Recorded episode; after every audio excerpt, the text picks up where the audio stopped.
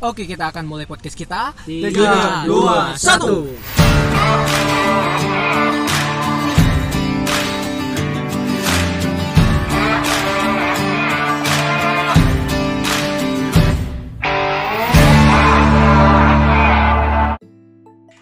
Oke, halo selamat datang kembali nih di Ocehan Anti Mainstream, Ocehan berkualitas ngopi ID. Wow. Beberapa minggu ini atau di minggu ini tepatnya eh, kita dihadapkan dengan eh, kabar-kabar politik yang cukup panas ya, menggemparkan dua sisi. Eh, baik itu dari sisi kanan dan sisi kiri ya, tapi sebetulnya yang lebih lebih gempar itu sisi kanan ya. Gal- Kalangan kalangan apa tuh? Bisa kita sebut kalangan cebong Wah. atau kalangan-kalangan liberal lah ya yang tidak tidak suka ya dengan dengan dengan kedatangan Habib Rizik Sihab. Dan sekarang kita akan ngobrolin soal itu, soal kondisi politik umat juga. Di sini kebetulan eh, agak sepi nih podcast kita hari ini. gue cuma ditemani oleh Bang Rifan. Halo Bang Rifan. Ya, siap. Ya, karena kita cuma berdua Bang Rifan, jadi kita ngobrol aja lah tok tak ya Bang. Oke, insya Allah. Iya, insya Allah ya. Oke, jadi eh, seperti yang kita semua tahu ya, siapa sih yang nggak tahu kehadiran Habib Rizik di tanggal berapa tuh kemarin? 10 ya? Eh, tanggal Ya, berapa? betul. 12? Iya ya, lupa ya. Kalau nggak salah. Ah, ah, ah. Eh, kedatangan Habib Rizik Sihab yang disambut oleh eh, massa ya. Eh, kemudian kita lihat di sana, kemudian eh, ya seperti isu-isu lainnya, isu-isu seperti itu tentu saja bisa digoreng. Nah kita akan akan eh, apa ya namanya itu? Kita akan bahas itu dalam perspektif eh, perjuangan umat kali ya. Kita akan dalam perspektif yang relevan lah intinya seperti itu. Oke, tapi seperti biasa eh, di sini sambil kita nunggu podcaster-podcaster lain untuk join, eh, sudah ada Bang Rifan dan kita akan eh, seperti biasa ya masuk ke segmen pertama dulu. Siap Bang? Insya Allah siap. Insya Allah. Oke, kalau gitu check this out.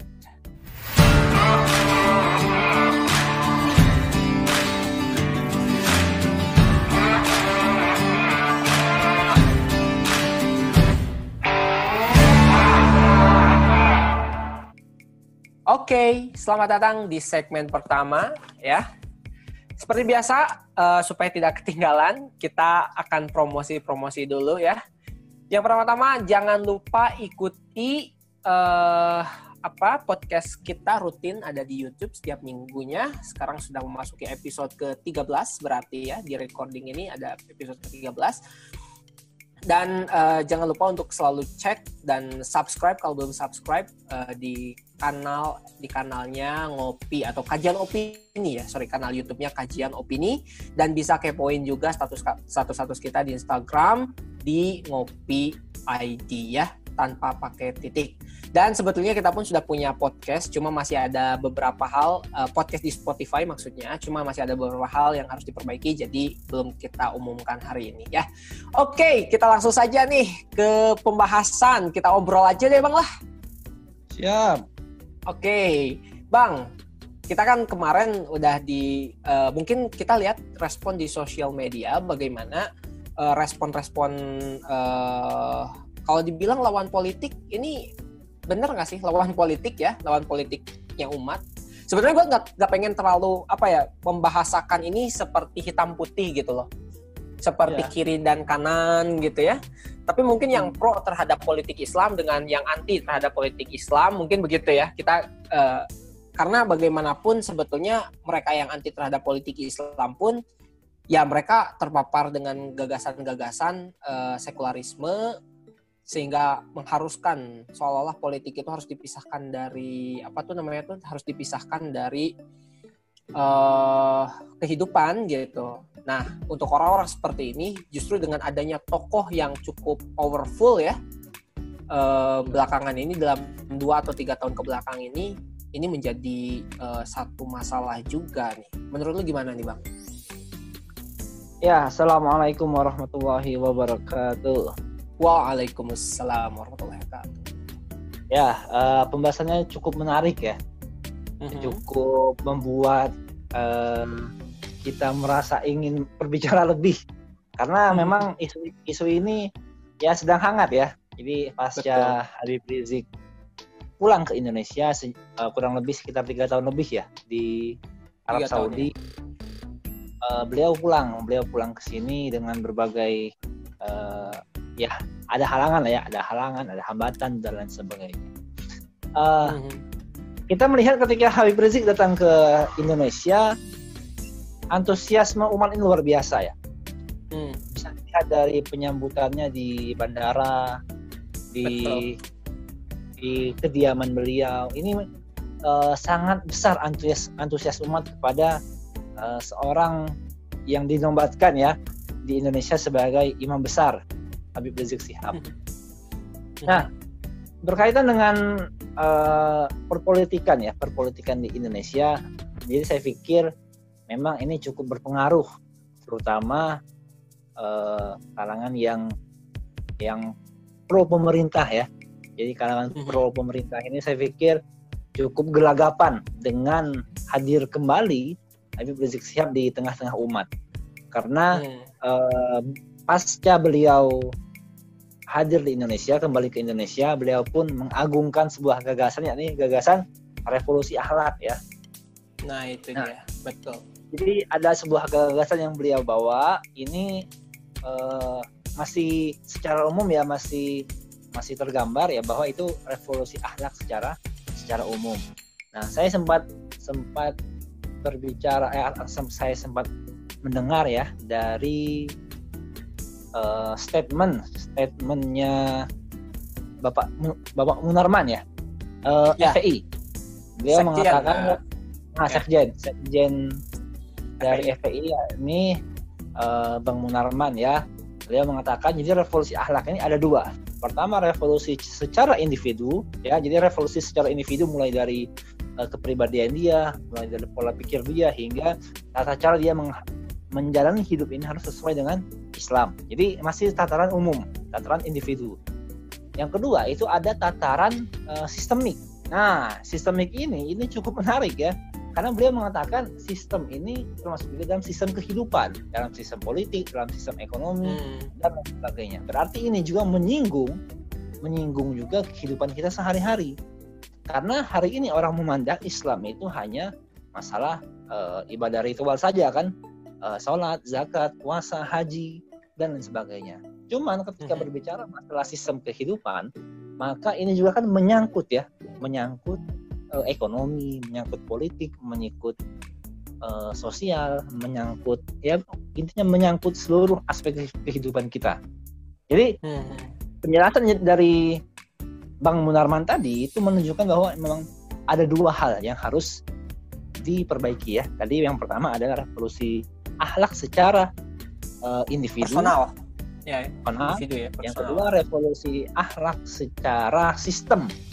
Nah, jadi eh, berarti ini menimbulkan atau membuat panas ya, membuat panas orang-orang yang yang yang tidak mau melihat Islam itu mengatur aspek-aspek eh, kehidupan, termasuk juga dalam ber- bernegara. Nah, Hmm. pasca eh, 2016 ya, akhir 2016 kubu ini kan seperti terbelah ya. Jadi seperti terbelah ada kubu apa ya? kubu cebong ya. Ada kubu cebong. Itu itu pas pilpres. Kalau sebelumnya pilpres, mungkin ya? bukan cebong dan kampret kali ya. Oh, bukan. Iya, Berarti apa nih julukannya nih? ya makanya mungkin tadi kayak yang gue bilang ya bang ya. Eh, Ah. Kubu yang pro politik Islam, mungkin Ah. gitu ya. Dan kubu yang eh pro dengan politik liberal begitu. Iya. Politik Karena memang kan- lah begitu ya. Iya. Mhm. Karena memang pasca Ahok ya, pasca Ahok menghina Hmm. Al-Qur'an itu, menghina surah Ali Imran itu semangat umat itu eh, keluar, pecah ya, pecah. Jangan jangan ditandakan oleh ada aksi 411, ada 212 hingga sekarang kan.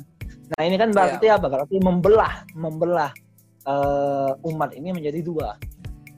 Ada yang eh, politik Islam, ada juga yang politik liberal. Tapi saya pikir a- bukan hanya ada dua sih, tapi ada tiga kalau saya pikir. Pertama orang uh, politik Islam masih melalui cara-cara masuk parlemen. Yang kedua, politik Islam di luar parlemen. Jadi saya pikir ada tiga. Dan, dan yang ketiga itu adalah orang yang pro pada pemerintah atau orang yang uh, diduga ya, diduga uh, ingin politik sekuler liberal ini terus dijalankan. Jadi, jadi saya pikir ada tiga sih bang kalau untuk oh, iya, iya. untuk ini ya arus harusnya mau ke arah mana. Karena kalau kita baca ya baca dari berbagai literatur dari berbagai sumber, uh, kalau kita jeli melihatnya ya ada tiga sih kalau saya pikir nggak hanya dua. Iya iya iya. Karena karena saya pikir uh, semangat itu penting ya semangat itu penting. Cuman mengarahkan semangat itu juga harus jelas. Jangan sampai kita diarahkan terombang ambing nggak jelas gitu. Kita mudah yeah, dibawa okay. ke kiri, mudah dibawa ke kanan, mudah dibawa ke atas, ke bawah. Nah itu jangan sampai terjadi. Nah, hmm. jadi melihat uh, kepulangan Habib Rizik ini, ya ini pasti ya, pasti menimbulkan keresahan di kelompok yang tidak mau umat itu uh, menggunakan Islam sebagai cara pandang mereka.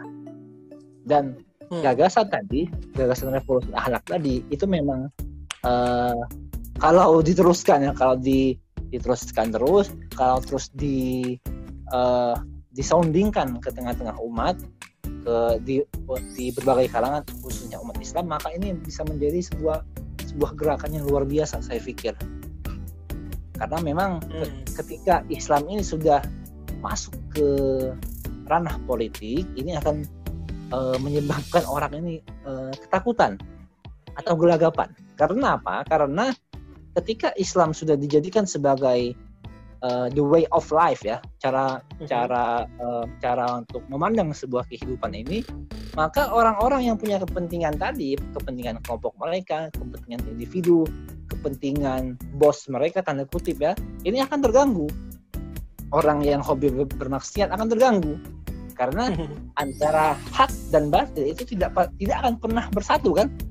Hitam hitam ya. putih putih nggak ada yang abu-abu. Nah jadi oleh karena itu ketika berbicara masalah uh, ini maka ya tadi ada pasti ada pro dan kontra cuman kita melihatnya sebagai seorang muslim ini kita lihat lagi kita uh, perjuangkan apa yang menjadi uh, kemauan umat Islam. Wallahu a'lam Oke. Okay. Tadi menarik ada pembahasan soal spektrum politik uh, di tengah-tengah masyarakat hari ini ya, pasca uh, agenda 411 kemarin. Kalau abang lihatnya uh, ada tiga golongan, tapi sebetulnya jangan lupa juga bang, uh, spektrum spektrum yang sebetulnya uh, apa ya di luar itu gitu. Jadi kalau kalau saya sih melihat uh, arus arus ini arus perjuangan politik itu uh, sesuai dengan mapdanya mungkin justru ada lebih dari tiga gitu. Ya kayak kayak kemarin kan yang kalau kita lihat gitu uh, siapa mereka yang me, me, apa tuh namanya tuh? Me, mendemo gitu ya memprotes omnibus law gitu kan turun ke jalan itu siapa gitu ya. Jadi memang tapi tapi begini sih menarik sih uh, kalau gua rasa bicara soal spektrum hari ini memang nggak bisa bicara kiri kanan hitam putih gitu. Karena memang ada uh, apa ya ketika kita bicara soal orang-orang kiri orang kiri itu ada yang orang kiri yang agak ke kanan agak ke tengah atau yang memang kirinya tuh kiri ekstrim gitu ya.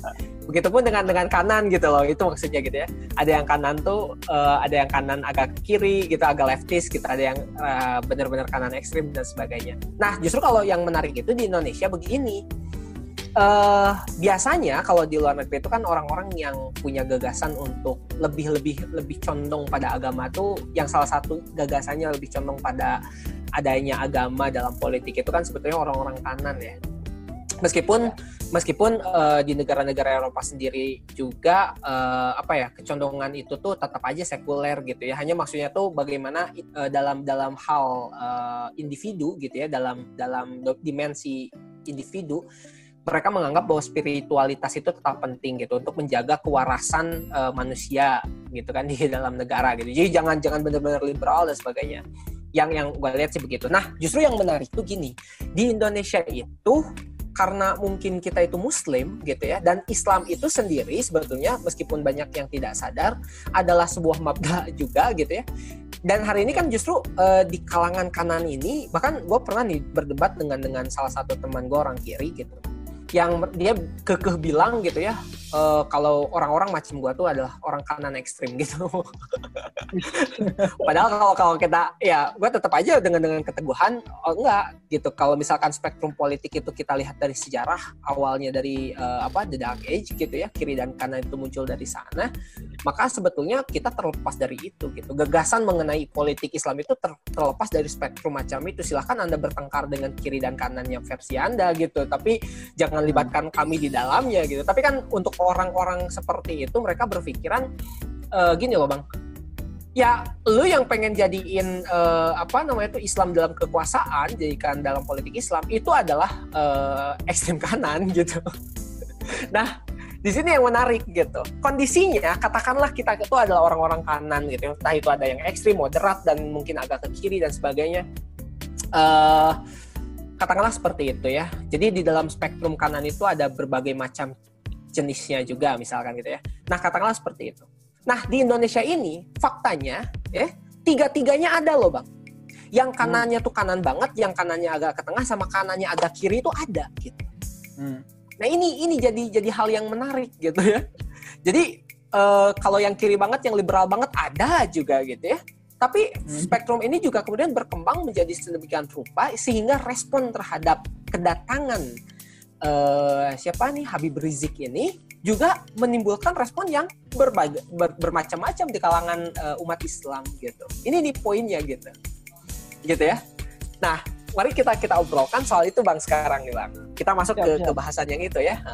Nah, uh, kalau kalau gue ngelihat nih Bang, uh, kedatangan Habib Rizik dengan tadi gagasannya revolusi akhlak gitu ya, revolusi akhlak yang tadi udah dijelasin sama uh, Abang uh, sesuai dengan itu katanya Pak Munarman ya, Pan Munarman ya. kalau tidak salah ya. Nah, kata hmm. Pak Munarman itu ada revolusi akhlak uh, yang sifatnya individu dan juga ada revolusi akhlak yang sifatnya sistemik gitu ya. Mungkin dibahasakan hmm. begitu, yang sifatnya sistemik.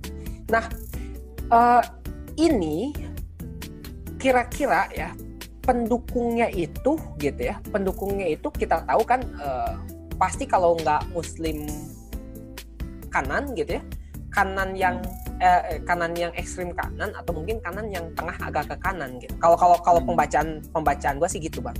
Kenapa? Ya. Karena karena gini eh, berbicara soal revolusi eh, akhlak dalam tataran sistem. Kalau menurut gue sendiri itu nggak nggak bisa gitu. Eh, hanya hanya berakhir pada gagasan bahwa orang itu eh, apa namanya tuh orang itu memiliki adab gitu, memiliki adab, menunjukkan adab yang baik ketika bernegara gitu ya. Misalkan seorang PNS gitu ya e, melayani melayani e, masyarakat.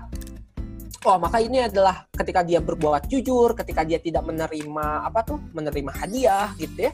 Ketika dia tidak menerima suap dan sebagainya, maka itu adalah dikatakan uh, akhlak yang baik dalam tataran sistem. Dia menciptakan kultur gitu ya. Menurutku itu nggak bisa gitu seperti itu saja gitu. Kesadaran itu sendiri harus dibangun berdasarkan uh, apa ya tetap harus ada powerful majority. Jadi harus ada uh, sesuatu yang powerful gitu. Mayoritas yang powerful apa itu? Hukum. Artinya menurut lu nih bang kalau kita berdialektika apakah gagasan itu ada nggak sih arah-arah untuk supaya kita itu memang berhukum mengubah hukum mengubah sistem gitu jadi sistem Islam? Gagasan revolusi akhlak yang digagas oleh uh, Habib ini.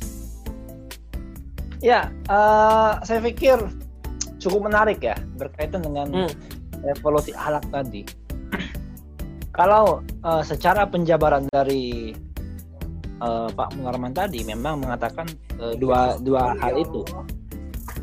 Cuman kalau kita berbicara masalah uh, revolusi ya, revolusi itu memang harus dari akar-akarnya kalau saya pikir. Karena kalau hanya sekedar tataran individu memang tidak akan cukup karena perubahan di tengah-tengah masyarakat itu harus perubahan yang secara fundamental, perubahan yang dari akarnya langsung. Jadi kalau kita hanya mengubah individu, one by one terus satu satu satu satu lama. Karena ketika berbicara merubah individu itu akan sangat sulit. Walaupun kita tidak menampik ya bahwa itu memang ya bagian dari proses. Cuman ketika berbicara masalah efisiensi efisiensi waktu maka harus dibutuhkan sebuah uh, revolusi yang sangat mendasar. Termasuk juga dalam penerapan hukum dalam uh, mau mengarah ke mana Indonesia ini mau mau mengarah ke arah yang liberalkah mau mengarah ke kiri kah? Mau mengarah ke Islam kah? Maka harus diputuskan. Karena hari ini kita melihat Indonesia ini secara undang-undangnya memang itu eh, Pancasila ya. Tapi kalau secara eh, fakta yang terjadi di lapangan ini menunjukkan sebaliknya bahkan sila-sila Pancasila itu uh, sangat sedikit sekali uh, dipakai. Bahkan lebih lebih bisa kita katakan Indonesia ini lebih ke arah kapitalisme ya. Kita melihat hari ini orang yang punya duit bisa menguasai lebih dari setengah tanah di Indonesia. Orang yang punya duit bisa membeli sebuah pulau. Orang yang punya duit bisa mengontrol jalannya negara ini mau ke arah mana. Nah jadi kalau berbicara masalah revolusi tadi, saya pikir ya kita harus lebih uh, mengarahkannya kepada revolusi sistem, revolusi tatanan kehidupan. Kalaupun kita masih di di sistem yang sama, kita masih bergerak di dalam sistem yang sama, kita masih uh, sibuk ya di dalam sistem yang mengatur kita, maka kita akan terjebak. Misalkan contoh, contoh salah satu kata yang mungkin saya pikir membius orang-orang ya yakni ubahlah uh, negara itu dari dalam atau dari sistem dari uh, pemerintahan. Nah ini saya pikir uh, perubahan yang yang sangat sulit. Karena sejarah pun membuktikan perubahan itu tidak pernah terjadi di, di dalam sistem tapi di luar sistem atau di luar parlemen tadi karena uh, kalau melihat perubahan tadi, maka perubahan itu kan bukan hanya masalah uh, berganti people-nya saja ya, bukan hanya berganti orangnya saja, bukan hanya berganti, berganti siapa yang memimpin, tapi juga dengan apa dia memimpinnya. Kalaupun seandainya Indonesia ini hanya sibuk pada uh, revolusi akhlak, tapi masih dalam tataran individu, itu bagus Cuman perlu sebuah pemahaman yang lebih daripada itu, yakni revolusi sistem tadi. Sistemnya dirubah, menggunakan menggunakan uh, sistem yang benar-benar uh, itu berasal dari Allah Subhanahu wa taala yang memang solusi itu sistem itu itu bisa mengakomodir semua manusia bukan hanya segelintir manusia. Nah, kalau memang berbicara hal-hal yang yang tadi kita bicarakan maka uh, memang dibutuhkan sebuah sebuah apa ya sebuah pemikiran yang yang mendasar.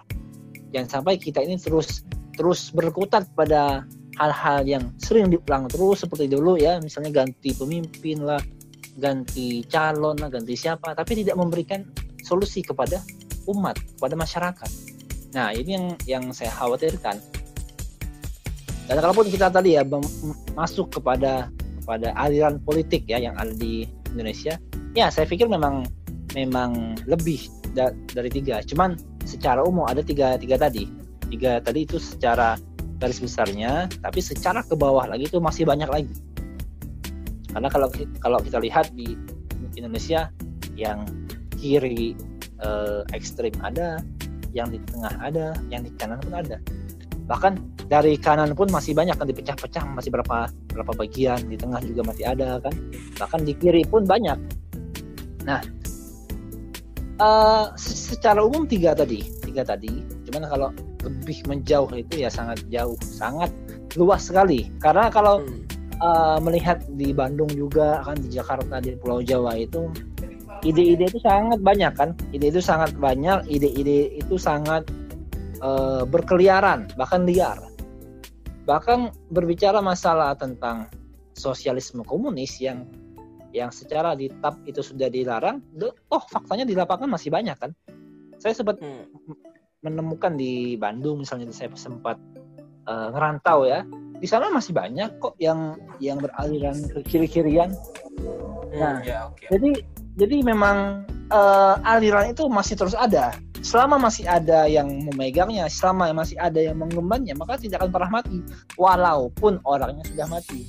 Tapi kalau gagasannya Ya, sudah oke. banyak kalau gagasannya ya masih ada terus bukunya masih bebas maka ya akan berta- ber- bertahan terus akan terus berlanjut hingga akhir dunia gitu saya pikir Iya. Itu paling Siapakah yang bisa eh, siapakah yang bisa apa tuh namanya tuh yang membunuh suatu ide gitu kan ya?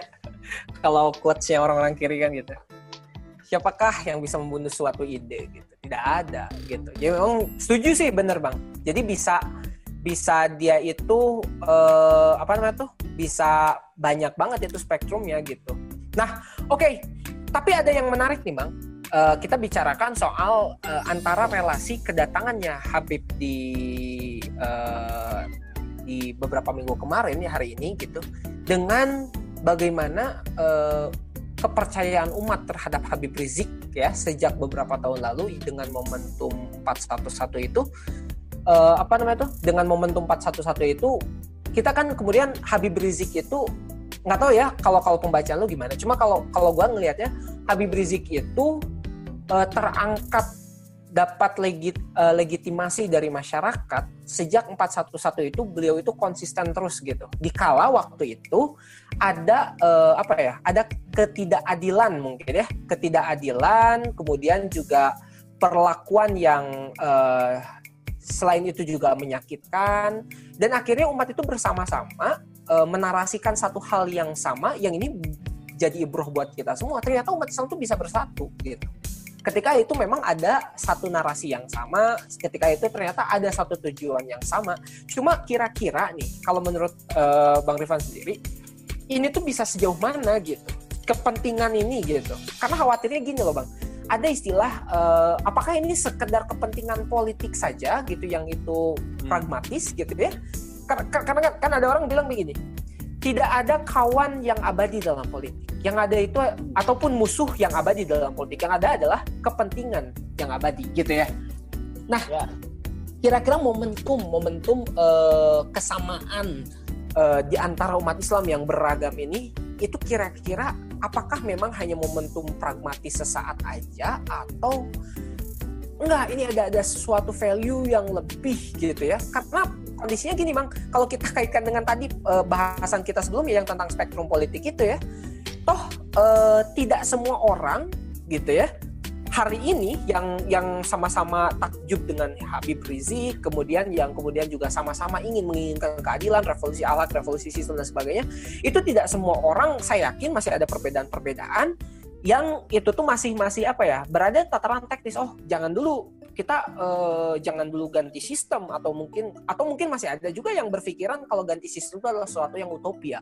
Atau mungkin ada juga yang menganggap bahwa ganti sistem tuh harus lewat lewat jalur eh, parlemen dan sebagainya itu realnya begitu mang. Jadi kalau kalau gue lihat itu masih begitu gitu. Nah apakah ini kepentingan juga yang gara-gara kita seolah-olah sekarang tuh who's- we know who's the bad guy gitu. Kita tahu siapa bad guy-nya gitu. Yang bad guy-nya tuh kita pukul sama-sama oh itu rezimnya gitu. Mereka yang nggak mau politik Islam dan sebagainya. Nah pertanyaannya adalah sederhana sampai kapan ini berlangsung? Kalau apakah ini pragmatisme saja atau gimana? Kalau menurut lu gimana tuh bang Ya, nah ini makanya pentingnya umat itu mengerahkan perjuangannya ke arah mana. nah Karena kalau kalau saya pikir ya, kalau umat ini hanya sekedar ingin ya, ingin pergantian person saja ya, orang saja, maka ya siap-siap mau di, di, dikecewakan lagi, pasti itu. hmm, Karena ya kita lihat ya, hari ini umat begitu semangat ya, begitu semangat, eh, antusias sekali dengan dengan Islam bahkan sejak 2016 itu eh, umat ini semakin bersatu dan itu merupakan kabar positif bagi kita ya bagi umat Islam. Cuman jangan sampai umat itu masih berpikiran pragmatis.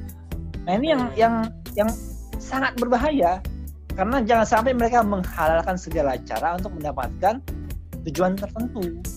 Nah saya saya nggak mau kalau seandainya umat ini hanya dijadikan sebagai eh, dongkrak ya, dongkrak mobil lah, dongkrak kepentingan. Dongkrak Jadi suara. ah iya, dongkrak suara. Jadi saya nggak mau umat ini hanya sekedar seperti itu. Saya nggak mau. Iya, iya, oke. Tapi umat ini harus punya visi besar ke depan, punya misi yang jelas, agar apa? Agar politik Islam ini bisa kembali seperti dulu. Karena kalau Hmm. kalau tadi di, dikatakan ya, seberapa jauh sih sa- sampai kapan umat ini akan akan se- seperti ini? Ya ini eh, saya pikir tergantung dari eh, kepalanya mau umat ini mau ke arah mana. Karena kalau Hmm. kalau uh, kepalanya menginginkan Islam secara menyeluruh, maka insya Allah umat itu akan mengikuti. Tapi kalau seandainya kepalanya ini itu punya kepentingan A, B, C, D, E, misalnya ini yang, yang harus kita uh, kita perbaiki, karena energi umat ini jangan sampai terbuang sia-sia. Jadi e- energi yang besar ini harus tersalurkan di jalan yang tepat, di jalur yang tepat, on the track. Ya jangan sampai ngambil track yang lain. Karena kalau kalau kita berbicara ya saya sebagai orang yang yang berpikiran bahwa perjuangan di dalam sistem saya pikir ya nggak akan merubah merubah hal yang sangat signifikan. Saya berpikirnya kalau ingin merubah satu hal itu dari luar sistem. Kalau seandainya ingin merubah dari dalam maka ya kalau kalau nggak sanggup ya akan terwarnai oleh sistem tadi. Dan itu contohnya banyak sekali berkaitan dengan teman-teman yang mungkin uh, menjadikan parlemen sebagai uh, apa tuh alat perjuangan ya maka mereka uh, apa ya dilematis. Di satu sisi ada kepentingan kelompoknya di satu sisi ada ingin memperjuangkan Islam. Jadi serba salah karena faktanya hari ini sejak tahun 80-an mungkin ya sejak 80-an hingga sekarang coba ki- kita lihat teman-teman yang berjuang di, di dalam sistem. Sangat sulit sekali untuk merubah eh, tatanan undang-undang lah. Yang itu kepada Islam tuh ya harusnya kan pro ya. Cuman ha- hari ini kan dikuasai oleh banyak orang-orang yang liberal orang-orang seperti ini maka sangat ke- sangat kesulitan sekali nah oleh karena itu melihat Oke. melihat fakta yang seperti itu, maka perjuangan ini harus jelas ke arah mana. Makanya konsolidasi umat ini harus jelas mau ke arah mana. Apakah kita hanya sekedar ingin mencalonkan person A, nanti takutnya umat ini dihianati lagi, ya. Kayak ini siapa ya? Si ini Prabowo. Kan Wow. Ya, oke. Apa tuh? Umat ini seperti diperma- dipermainkan terus. Jadi yang, Hmm. yang yang yang awalnya di kubu para ulama, di kubu umat Islam, setelah beliau uh, Ya, jadi oke, oke. beliau kalah, ya uh, hilang apa tuh aumannya tadi seperti harimau tadi kan hilang kan? Ini kan dia Hmm. sekarang sibuk dengan hal-hal yang ya apalah yang yang bukan bukan fundamental. Ya, Nah, seha- seharusnya seharusnya ketika umat melihat fakta yang seperti ini maka harusnya kita belajar ya kita belajar lebih lebih dari hal ini. Apa? Itu berkaitan dengan perjuangan ini mau ke arah mana. Kalau masih mengharapkan eh, hanya mengganti orang saja maka siap-siap akan ke- akan ke- ke- kecewa lagi. Hmm, oke. kalau seandainya kita ingin mem- membuat sebuah apa ya sebuah perubahan. Perubahan secara mendasar perubahan secara fundamental maka harus dirubah semuanya. Karena hari ini ya sistem politik di Indonesia ini sudah sangat rusak. Sudah sangat luar biasa rusaknya. Untuk menjadi seorang kepala negara pun dibutuhkan ribuan miliar ya. Ribuan miliar kan sekitar minimal satu triliun kan. Nah jadi dari dari sistemnya pun sudah sudah rusak. Maka ketika kita ingin berjuang di dalam sebuah sistem yang rusak maka kita akan kecewa. Jadi eh, gitu bang. Jadi umat ini harus jelas mau mau ke arah mana perjuangannya. Jangan sampai mereka ditipu terus ditipu terus dikibulin terus. Ujung-ujungnya kecewa lagi kecewa lagi. Nah jangan sampai seperti itu. Ya, oke. Gua agak kaget pas barusan eh, lu bilang Prabowo. ya nggak masalah lah ya, ya, ya, ya. Itu apa namanya tuh? eh tapi gini, Mang. Eh, sekarang Prabowo itu menjabat sebagai Menhan itu uh, apa tuh namanya tuh uh, peranan yang cukup strategis loh itu ya tapi mungkin ya. bukan di bahasan kali ini aja ya itu mungkin pendapat yang gue dengar dari dari uh, tetap dari pendukung-pendukungnya beliau uh, iya. bahwa di jabatan Menhan itu sebetulnya itu jadi uh, satu-satu jabatan yang teramat sangat strategis untuk uh, apa kutub uh, yang kalah di pilpres kemarin lah kira-kira begitu. Dan oke okay, tadi mungkin sedikit koreksi aja untuk untuk dana dana ini mungkin ya dana apa dana pilpres itu gue nggak tahu berapa pastinya cuma rata rata-rata sih ya ngabisin sekira ratusan miliar gitu ya. Uh, kalau ya. yang data sampai ribuan miliar mah agaknya asa-asa belum pernah lihat gitu. Cuma kalau tidak salah sih sampai ratusan miliar itu iya. Itu mang. Itu mah cuma koreksi dikit aja lah. Gitu. Oke. Okay. tapi intinya mau mau ratusan miliar ribuan miliar yang jelas itu dananya gede gitu ya Ya, orang macam apa punya uh, orang macam apa yang punya kekayaan seperti itu menggadaikan uang sedemikian banyak mungkin punya situ sih ya uh, untuk dapat jabatan lima tahun dengan persoalan yang luar biasa besar ngurusin umat belum lagi pertanggungjawaban di akhirat digaji juga kalau dibandingin sama uh, konsekuensinya tidak jadi pemimpin adil itu juga uh, sangat besar gitu ya. Orang orang waras sih pasti nggak mau gitu cuma demokrasi ini memang agak unik gitu. Ini sistem yang membuat kita tuh gila akan dunia gitu ya. Setuju ya bang ya? Edan. Edan ya wong wong edan nih sistem wong edan ya ya tapi hebatnya begini sih. Apa namanya tuh uh, umat Islam tuh masih juga masih masih apa ya menggantungkan harap. Tapi memang tidak dipungkiri juga ya kenapa masih ada pemikiran-pemikiran semacam itu ya mungkin karena tadi ya masih terdikotominya pemahaman gitu ya antara bahwa hmm. seolah-olah Islam itu tidak memiliki sistem sendiri gitu. Ini kalau gue ngomong yeah. gini, kita kita ngomong-ngomong kayak gini, aduh entah nih entah harus agak sedikit ngerem atau enggak gitu ya. Yang jelas kalau kita ngomongin kayak begini tuh rasa-rasanya ini kayak apa tuh tuh tuh. Uh, kita tuh jadi merasa kalau gue sendiri serasa jadi orang ganteng gitu bang ganteng dalam artian dalam artian uh, tuh menang gitu radikal aduh tapi tidak apa-apa lah ya kebenaran. Atau idealisme lah ya. Kalau kata hmm. orang sih ini lo aja tuh yang nganggap ini kebenaran. Kata orang uh, ini nggak benar kayak gitu ya. Idealisme hmm. lah oke. Okay. oke okay, itu tadi perbincangan seputar tentang uh, pembacaan singkat politik ya. Pembacaan singkat politik uh, ke depan.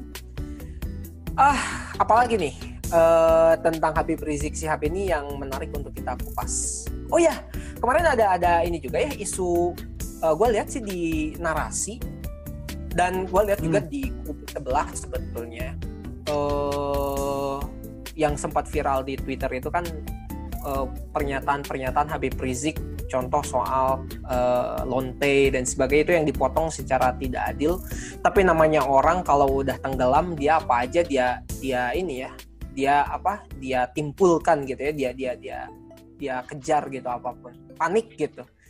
Nah kalau gue ngeliat sih ya sekarang itu justru orang-orang tuh pada panik gitu. Orang-orang lawan politik lah poli yang yang punya mazhab politik berseberangan itu panik tuh bang. Hmm. gitu. Uh, kenapa mereka panik? Karena mereka seolah-olah dengan kedatangan Habib uh, Rizik Syihab ini umat Islam tuh kembali menemukan pemimpin yang selama ini sudah hilang gitu. Gue sih ngerasanya gitu ya. Sehingga lost, uh, kalau uh, uh, uh, jadi kalau seandainya nggak nggak bisa nggak uh, bisa ngeberangus uh, opininya gitu ya ya bunuh orangnya gitu. Artinya dalam artian jatuhin tuh orangnya. Kita pakai logika ad hominem aja deh gitu ya uh, awas jangan-jangan ketemu sama Rizik Sihab dan sebagainya karena dia pernah dulu kena kasus chat porno dan sebagainya uh, apalagi kalau lihat uh, apa tuh kayak akun-akun cebong ya akun-akun cebong terus kemudian si Abu Janda, kemudian ya yang gitu-gitulah uh, orang-orang remeh-remeh begitu. Itu justru kejadiannya adalah uh, mereka kelihatannya panik banget gitu. Nah emang potensi bersatunya umat gitu ya, potensi ancaman Rizik Sihab sendiri terhadap terhadap sistem ini gimana? Padahal setahu gua ya Habib Rizik ini adalah orang yang sekalipun dia punya punya prinsip yang keras gitu ya uh, terhadap keadilan, terhadap Islam juga tentu saja, tapi sebetulnya uh, beliau pun setahu setauku gitu, dia pun uh, tetap ingin mempertahankan eksistensi uh, NKRI gitu. Menurut menurut abang gimana nih soal soal fenomena ini? Kepanikan kepanikan mereka? Ya, uh, kalau berbicara masalah kepanikan, ini se sebelum uh, se perlu kita lihat ya bahwa sebelum Habib Rizik uh, sampai ke Indonesia ya, masih di Saudi, itu kan beliau berusaha untuk digagalkan ya, berusaha untuk digagalkan kepulangannya ke Indonesia. Sebelum pulang sudah digagalkan. Ketika nyampe di Indonesia, sama beliau di fitnah sana sini bahkan hingga sekarang kan difitnah kan atau kayak mungkin dikriminalisasi dengan berbagai tuduhan yang anak ya, beliau ya. menikah anak beliau menikah kan bahkan nah uh, sorry bang gue potong sorry ya. gue potong uh, itu termasuk yang narasi-narasi itu tuh kan memang untuk uh, gimana caranya ad hominem gitu. Nih lihat nih orang datang kayak kata si nyai itu ya nyai tukang uh. obat itu. Itu kan yang bilang uh. Habib kok kayak gini sekalinya datang bikin rusuh. Itu kan ad hominem banget itu. Kalau orang mikir gitu itu nggak nggak bisa dibenerin. Itu sebagai sebagai sebuah argumentasi kontra gitu ya. Itu tuh adalah argumentasi paling dangkal yang pernah ada gitu nggak bisa gitu kayak begitu orang yang berargumen uh, mengkritisi itu nggak nggak kayak gitu gitu kan ya kalau orang kita masyarakat kita terbiasa berpikir ya kayak gitu. Yeah. Nah makanya tidak heran sih sebetulnya di taktis ada pernikahannya anaknya dan sebagainya sebagainya sampai Anis pun akhirnya kena uh, apa kena kena ini juga ya kena semprot juga ini jadi jadi mereka tuh kayak sekali sekali apa merengku dayung dua tiga uh, dua tiga lawan politik. Sekali mendayung. Ya sekali mendayung pulau gitu kan. Dua tiga dua tiga pulau terlampau itu bener gitu. Tapi tapi sebetulnya kalau kita mau objektif kayak yang dituturkan oleh narasi newsroom misalnya gue gua lihat tadi tadi sore. Uh, jadi ini ada yang menarik gitu. Anis gitu ya kan uh, Menko Polhukam ya Menhan eh enggak Menko Polhukam benar Mahfud MD itu Menko Polhukam ya?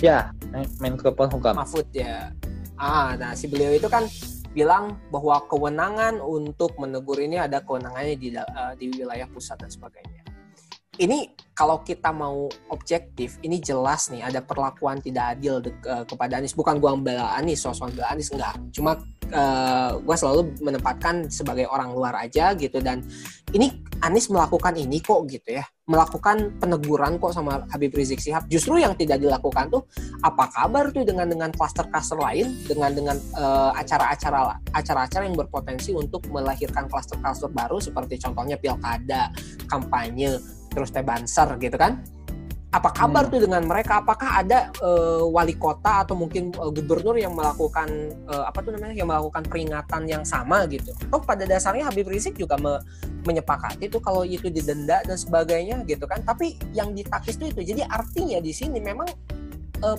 peranan untuk ad hominem ini ya logika untuk uh, apa menyerang menyerang persona itu memang sangat kentara gitu mang. Gitu. Kalau gue lihatnya gitu gitu ya jadi kentara banget gitu untuk menyerang uh, sosok Habib Rizik ini jadi semua orang yang ber, bersinggungan dengan beliau pun pasti bakalan kena gitu nah sejauh mana sih sebetulnya tadi balik lagi sorry ya bang tadi gue potong uh, ancamannya ya. beliau itu nah.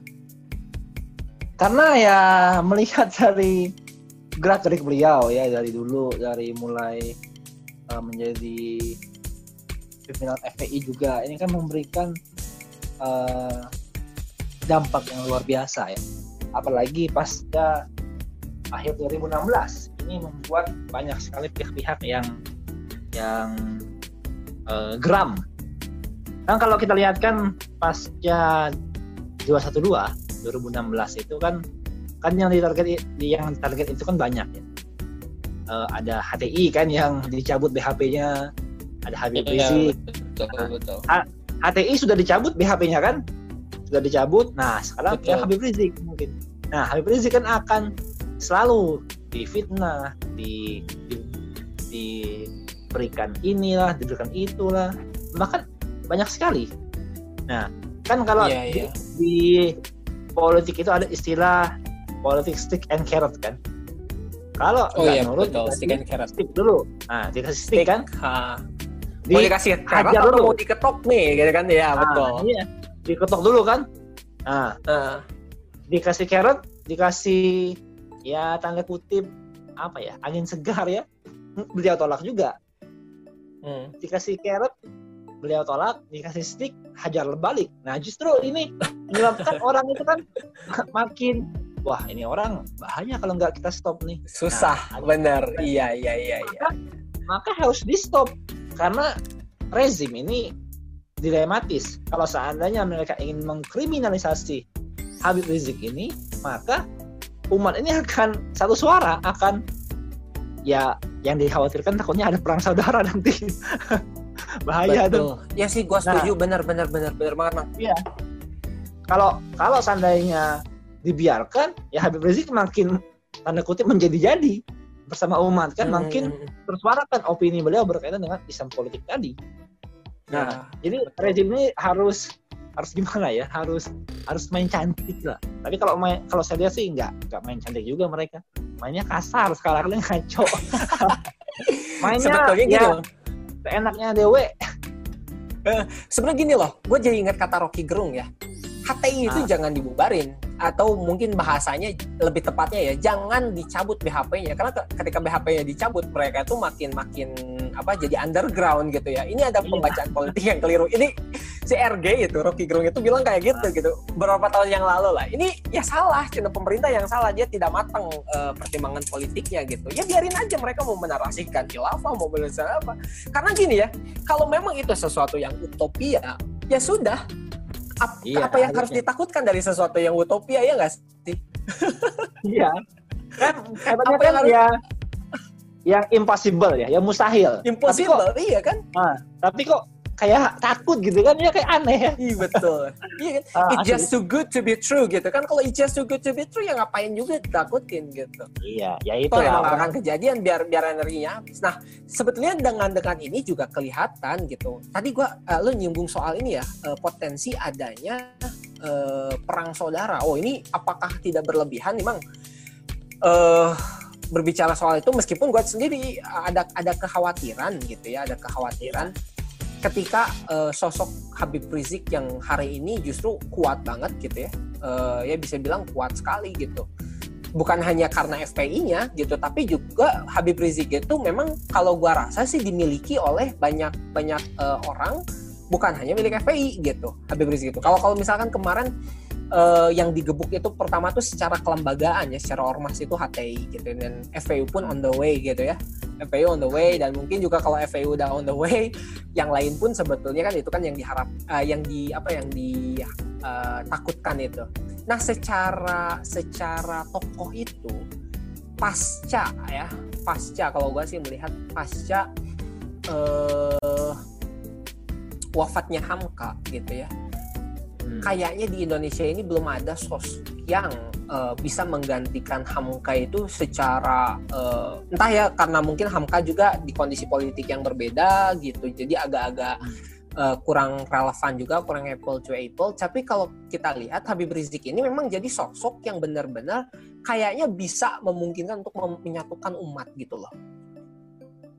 Gitu. Ya. Eh, hanya meng- mungkin memang beliau pun masih ada di di persimpangan gitu ya. Artinya entah nih apakah beliau tuh ketika menggagas politik Islam tuh masih dengan idealismenya bahwa oh ya ini yang digagas itu adalah tadi ya misalnya revolusi akhlakah yang sistemnya tuh misalnya sedikit demi sedikit ataukah memang yang eh, kalau yang namanya revolusi sistem tuh eh, jamian gitu ya eh, secara komprehensif dan sebagainya entahlah gitu ya ini ini mungkin kita jadi jadi satu pembacaan menarik juga untuk ke depan tapi eh, pada dasarnya apa yang kita lihat hari ini tuh bagaimana potensi beliau untuk menyatukan umat Islam itu kayaknya sih besar gitu. Cuma Hmm. kalau gua sih nggak kalau gua sih yakin gua eh, apa namanya tuh bang uh, kalau selama umat Islam yang berpolitik itu artinya misalkan se -se segarang apa pun kita tahu gitu ya uh, kawan-kawan kita di FPI dalam menegakkan kalau ada ketidakadilan gitu ya gue yakin mereka tidak akan melakukan uh, revolusi bersenjata. Kenapa? Karena uh, gue yakin uh, Habib Rizik itu di lingkaran beliau pun kemudian juga dengan nasihat-nasihat para ulama mereka juga memahami lah saya yakin mereka memahami fikih bagaimana jika menyebabkan pertumpahan darah di antara kaum muslimin gitu ya. Saya pikir itu akan selalu menjadi hal yang ditahan-tahan dan sebagainya. Gue yakin sih ke sana. Jadi adapun anggapan-anggapan opini-opini ber beredar soal itu di luar sana itu adalah uh, opini liar yang berdasarkan dari ketakutan imajiner dan kedengkian gitu. Dari kedengkian hmm. yang nyata terhadap Islam sehingga apa pun uh, apa pun ceritanya tuh ya uh, pasti aja pasti aja digoreng seolah-olah ini itu supaya rusak karena buktinya gini mang bukan bukan isapan jempol. Ketika penjemputan Habib Rizik di bandara memang menyebabkan kemacetan. Memang ada fasilitas-fasilitas umum yang rusak, tapi itu kan di luar kontrol. Bukan bukan maksud mau memberikan pembenaran, tapi buat gua sendiri ya ada memang itu sangat disayangkan gitu ya untuk mungkin ada ada ada saudara-saudara kita yang tidak tidak teliti uh, sehingga merusak fasilitas umum dan sebagainya. Tapi kalau kita lihat bandingin sama demo omnibus law, bandingin dengan uh, aksi-aksi orang-orang kiri gitu ya, orang-orang uh, sosialis yang hasilnya itu rusaknya itu luar biasa, gitu kan? Toh kita bisa buktikan sendiri ketika 212 sampah pun itu sulit di, di tertib banget di mana-mana ya. Kalau kalau gua pikir dengan, dengan kondisi kemarin terus ada fasilitas yang rusak itu karena euforia historia ya ini perlu pendewasaan. Justru kalau gua sih lebih melihatnya gini, justru umat Islam itu ya teman-teman itu ketika kita euforia terhadap sesuatu, kita menyambut Habib Rizik dan sebagainya, ataupun apa pun upcoming event yang ada di, di, masa depan, justru kita harus harus berpikir gitu. Ini jadi ibrah buat kita bahwa kita tuh punya lawan politik yang selalu nyinyir, yang selalu nyari-nyari kesalahan kita gitu. Jadi jangan sampai sebisa mungkin, ayo kita sama-sama gitu. Uh, apa? sama-sama kita memikirkan ini gimana nih caranya supaya kita nggak ada diserang gitu, nggak ada diserang dan sebagainya gitu kan. Sekarang tuh kan protokol covid dan sebagainya itu jadi permasalahan gitu. Yang tadi ya padahal udah ditegur sama Anies tapi kan? iya betul. Secara tidak adil karena tujuannya adalah kill the guy. Bunuh orangnya bunuh the karakternya karakter orangnya. Sekarang kan gitu. Lo nggak mau carrot nih gua kasih stick. Dikasih stick gitu ya kalau kita ngelawan balik terus dipanas-panasin. Wah sampai akhirnya tumpah lah itu. Nah itu uh, mereka menang tuh atas kita Nah kita jangan jangan kayak begitu sih. Kalau gua pikir begitu ya. Hmm. Gitu. Menurut lu gimana bang? Ada ada ada mungkin tambahan lah tambahan. tambahan. Ya selama kita masih hidup ya pasti ada orang-orang yang nyinyir sama kita kan. Hmm. Oh mau mau gimana pun juga pasti mereka nggak akan seneng. Pertama uh, kita hidup di negara plus 62 ini negara kocak. ya pasti kalau kata ada orang-orang kalau kata uh, apa Arab CS itu uh, apa wak waklan cinta gitu wak waklan wak waklan uh, jadi negeri ini memang uh, sudah berada di ambang krisis ya. Tadi berkaitan dengan misalkan uh, perang saudara memang saya khawatir itu terjadi. Kalaupun orang Islam memahami uh, perjuangannya maka tidak mungkin mereka akan menumpahkan darah sesamanya tetapi jangan lupa di Indonesia ini banyak sekali uh, apa ya invisible hand ya. Ada orang-orang yang main di belakangnya. Hmm. Ini yang yang sangat berbahaya. Nah, itu, Karena betul, mungkin betul, betul. umat Islam ya kalau saya lihat bagus. Kita lihat dari dari aksi, dari track record ya kita punya track record yang jelas ya. Luar biasa. Betul. Cuman ingat di Indonesia ini yang berkuasa itu bukan presiden, tapi ada invisible hand, hand tadi. Oh, yang iya, mungkin iya. Gitu, ya, dari orang luar. Ada invisible hand dari, lah ya. dari kalangan para pengusaha dan lain sebagainya. Karena memang tidak akan ada orang yang ingin melihat Islam itu kembali seperti dulu memimpin dunia. Uh, kan du, dulu kan Islam menjadi mercusuar ya menjadi mercusuar peradaban yang yang menyinari segala penjuru bumi. Bahkan yes, ketika ketika Eropa itu uh, belum tahu mandi ya, belum tahu mandi, kita tuh separah itu dulu kan? iya. Dulu Eropa tuh sangat jorok. Allah Akbar, ngeri ya. Iya, gak tahu, gak tahu. Iya, Gue ngeri pernah banget. pernah dapetin ini bang, Eh, pernah dapetin ensiklopedia terjorok di dunia. Jadi memang gitu mereka berak berak sama apa tuh di pinggir jalan, di pinggir gang. Aduh, jorok banget asli.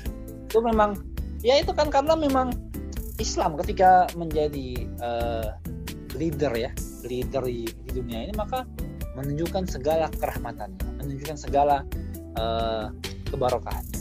Nah, ini orang kan pasti nggak akan ada yang yang senang ya, terutama kalangan Yahudi dan kalangan Nasrani. Mereka nggak akan senang.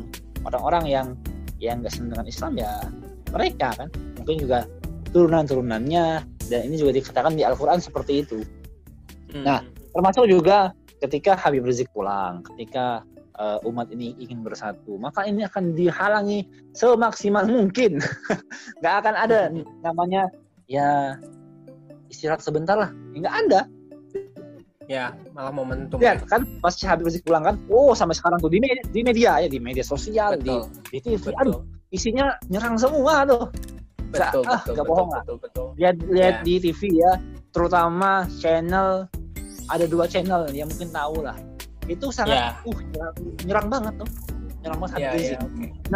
ini kan seperti apa seperti eh, tidak adil dulu pernah Betul. terjadi juga tadi pernah disampaikan Bak Lukman ya yang terjadi di di yang lain kan ada tuh yang pas pilkada eh pas pas kampanye ya ada yang dangdutan lah ada yang konser musik Oh Itu ya. kan sama-sama apa tuh sama-sama keramaian tapi kok nggak nggak seperti ini Hmm. penindakannya nah ini kan berarti apa? Berarti ada kalangan-kalangan yang merasa terusik. Merasa mereka itu terancam. Nah ketika mereka terancam maka mereka harus ya mem- membuat sebuah sebuah hal yang harusnya ini bisa menghalangi ancaman tersebut. Nah makanya di, dipakai segala cara untuk melumpuhkan karakter Habib Rizik, membunuh karakter Habib Rizik dan sebagainya. Berkaitan dengan konsep beliau ya, yang masih ingin eh, ya misalnya masih dalam ranah republik ya, eh, negara republik, maka ya ini bisa didiskusikan lah. Ya, tapi jangan sampai ini Ya. menjadikan kita itu eh, berlayanan arah Berbeda. Per- ya betul betul. Setuju setuju setuju setuju. tapi kita itu Iya, harus iya. menonjolkan sisi persamaannya berkaitan Betul. masalah masalah misalkan konsepnya berbeda maka kita diskusikan saja diskusikan Iya, dalil betul. diskusikan mana yang lebih kuat maka dipilih yang mana nah oleh Iya, karena itu betul. saya pikir umat ini harus harus eh, mulai konsolidasi Sering-sering kongkow ya. sering iya sering-sering ngopi lah ya sering-sering Iya bener itu ya. Sering-sering kopi, sering-sering kongkow. Dan terutama Iya, sebenarnya mau- gini bang. Ah. Yang sebetulnya Betul. pengikut-pengikutnya gitu yang jangan jadi bikin rip rip ricu. Gue mungkin kita bisa akuin ya kita sendiri juga dulu sering berbuat ricu gitu ya bang ya. Ingat-ingat zaman-zaman dulu tuh. ya gitu debat sana debat sini. Iya tapi gue jadi jadi eh, lihat-lihat kondisi hari ini ya bagaimana umat itu hari ini eh, bereaksi terhadap suatu hal gue jadi jadi respect gitu. Bahkan gue jadi jadi seneng aja gitu dengan perbedaan. Bodoh amat lu mau mikirnya kayak gimana. Udah yang penting kita sama-sama muslim. Hayu gitu kan? Kita Wow. kita tegakkan politik Islam dan sebagainya. Bodoh amat gitu. Pemimpinnya mau Habib Rizik Sihab kah? Mau siapa kah? Mau siapa kah? Bodoh amat. Hayu pokoknya gue mah kalau kalau kalau misalkan eh, itu ada di jalan kebaikan ya I'm following you gitu ya. Siap gitu. Dan sebagainya gitu. Nah justru yang yang yang akhirnya harus dituntut didewasakan itu sebetulnya adalah para pengikutnya itu sendiri gitu kan. Iya. Ayolah kita kita kita sering-sering kongko gitu kita sering-sering eh, apa namanya tuh eh, ngopi bareng ya. Karena itu yang yang bisa menj- menjalankan eh lu beda mah nggak apa-apa lah sholat sholat sholat kita aja beda gitu. Dalam berpolitik beda ya wajar lah gitu ya dikit-dikit beda wajar.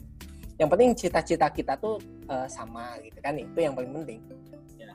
Tuh bang ada yang baru Iya, gabung benar. tuh Iya benar, ada yang mau gabung kita tutup aja lah. Tapi emang ini ini ini kayaknya udah ada waktunya ditutup nih Bang Rifan. Jadi ini bukan karena sentimen eh, dia baru gabung gitu ya. Si beliau ini baru gabung bukan sama sekali tidak ada sentimen ini gitu ya. Ini takut didengar sama pendengar juga. Eh, Oke Bang Ikoman, gua gua sama dulu deh Bang. Ya, sorry.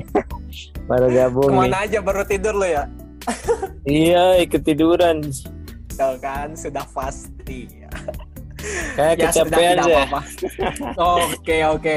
Mang Ega, ini eh ngomong-ngomong kita tidak ada segmen ya, tidak bagi jadi dua segmen. Kayaknya eh, perbincangan barusan juga udah udah udah cocok lah gitu ya. Oke, Eh, mantap, mantap.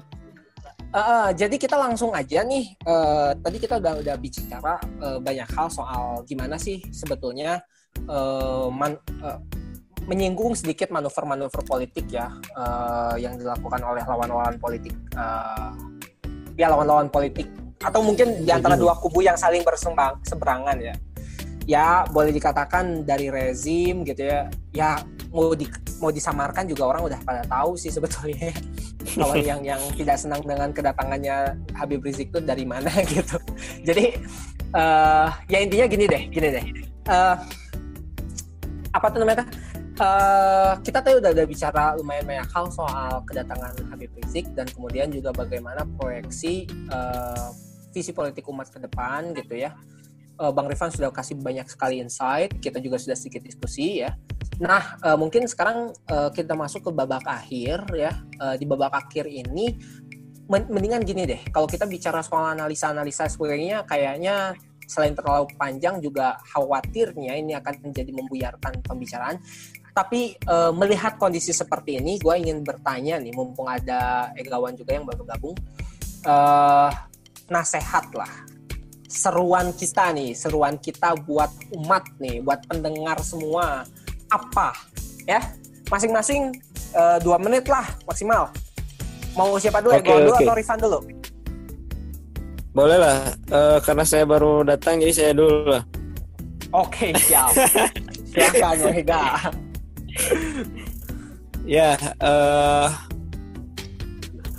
terusus buat umat berarti ya, karena tadi sudah banyak disampaikan oleh Bang Ripan eh, dan juga eh, kita mengamati gitu bahwasanya eh, momentum ataupun monumen ya sekarang eh, dari kepulangan Habib Rizik Sihab ini eh, supaya apa membangkitkan kembali ya eh, kesadaran kita gitu ya, bahwasanya memang Islam itu memiliki eh, potensi ya potensi untuk menjadi pemimpin di dalam artian eh, meng, apa menjadi eh, leading the board gitu ya leading dari eh, kehidupan gitu ya bisa bisa eh, menjadi jalan hidup yang eh, lebih lagi dibatan dibandingkan dengan eh, kehidupan yang sekarang ya umat muslim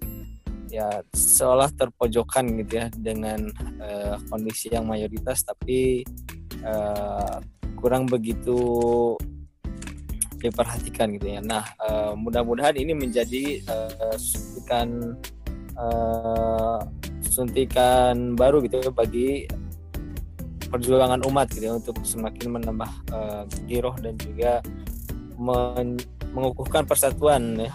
Mengukuhkan persatuan sehingga umat Islam lebih kuat lagi. Dan ya tentunya bagi eh, kita semua ya jangan berhenti untuk menyampaikan kebenaran dan eh, berusaha gitu ya eh, maksimal mungkin untuk eh, menyadarkan lah menyadarkan umat akan eh, pentingnya Islam gitu ya. Ukhuwah. Itu aja bang dan ukhuwah ya. Siap. Iya betul. Setuju banget. Bang Rifan, Ya, siap. yo, Apa nih? gimana bang? Eh pesan lu buat umat untuk umat ya kayak kayak yang punya umat aja ya. Maksudnya untuk untuk mungkin kawan-kawan kita lah, untuk untuk sesama pengikut gitu ya. untuk sesama eh, umat Islam nih. Melihat situasi politik hari ini gimana? Ya, eh, yang pertama eh, umat ini harus jelas ya arah perjuangannya ke arah mana dan yang paling penting adalah menempatkan ayat suci di atas ayat konstitusi. Nah, itu yang berdasarkan berdasarkan yang sudah disampaikan oleh Habib Rizik. Jadi kita harus Hmm. mengedepankan Islam dari segala apa pun ya. Itu yang Hmm. pertama. Yang kedua, tonjolkanlah persamaan bukan perbedaan. Jadi kalaupun Hmm, kita punya betul. konsep yang berbeda, kita punya hal yang berbeda, maka ayo kita remukan, kita diskusi, kita cari jalan terbaik agar umat ini bersatu. Jangan sampai ada hal-hal kecil saja kita berbeda, kita malah ini malah Sibuk. berkelahi, Betul. malah berkelahi sama kita dan ini akan menimbulkan kesenangan di pihak orang-orang yang tidak senang dengan Islam. Betul, ya. betul, betul. Nah itu yang yang ke, yang yang kedua. Yang ketiga eh, sabar ya dalam menja- menjalani perjuangan ini harus sabar, harus eh, keep calm ya, Ja- jangan jangan terburu-buru, jangan mau cepat menang tapi ikuti prosesnya, terus berproses. Insya Allah ketika sudah ada pertolongan Allah maka Islam akan kembali seperti dulu lagi. Wallahu a'lam bishawab. Itu saja bang. Saya Masya pikir Allah. Ya, adem gua bang dengerin lu barusan yang poin ketiga sabar gitu. kalau dan, sabar. itu, eh, dan sabar itu tetap berusaha gitu ya, tetap berusaha. Iya, Oke, jangan diem-diem wae. nah jangan rebahan. jangan jadi kaum rebahan ya. Oke, kawan-kawan. Kalau kalau eh, waktu covid ini kita tuh diminta untuk yuk rebahan aja gitu kan kemarin sempat ada ya viral eh, apa gerakan rebahan gitu ya. kita mah jangan rebahan gitu ya karena kita punya eh, apa tugas yang sangat besar. Ya mudah-mudahan pesan ini juga sampai ke teman-teman yang lain. Jangan lupa ntar buat share-share aja lah ya buat teman-teman. Oke, oke kawan-kawanku yang eh, berbahagia asik. Terima kasih atas kehadirannya dan untuk kalian pendengar terima kasih juga sudah nyimak dengan setia sampai menit ke akhir ini nih. Entah menit ke berapa ini ya. Mungkin sejam sejam lebih. Eh, terima kasih banyak sudah menyimak Kopi ID ya. Eh, podcastnya Kopi ID di kajian opini dan selalu ikuti tiap minggunya kita update eh, insya Allah di Instagram dan juga di dalam kajian opini. Dan untuk teman-teman yang berniat untuk sama-sama berkarya bersama kami boleh dong kalau misalkan ada inspirasi-inspirasi apa silakan boleh kontak kami di Instagram kita @ngopiid siapa tahu kita bisa bersama-sama kita saling bertahun ya. Kita bisa sama-sama eh, apa namanya itu berjuang gitu ya dengan cara yang kita bisa gitu kan. Kalau eh, Habib Rizik itu dapat kriminalisasi dapat label ini dan itu ya kita berpakai-pakai yang begini beginilah buat menenangkan eh, ombak gitu ya seperti itulah. Oke kawan-kawan podcaster eh, Egawan dan juga Rifan terima kasih buat gabungannya di hari ini di sore hari ini Sama-sama, oke? sama-sama. Ya bang. Ya, kita ketemu lagi di minggu depan tentu saja masih dengan membahas eh, isu-isu yang hot ya. Mungkin nanti bisa bahas juga soal perubahannya. Oke, thank you so much untuk kedatangannya dan share you. Assalamualaikum warahmatullahi wabarakatuh. Waalaikumsalam. warahmatullahi wabarakatuh.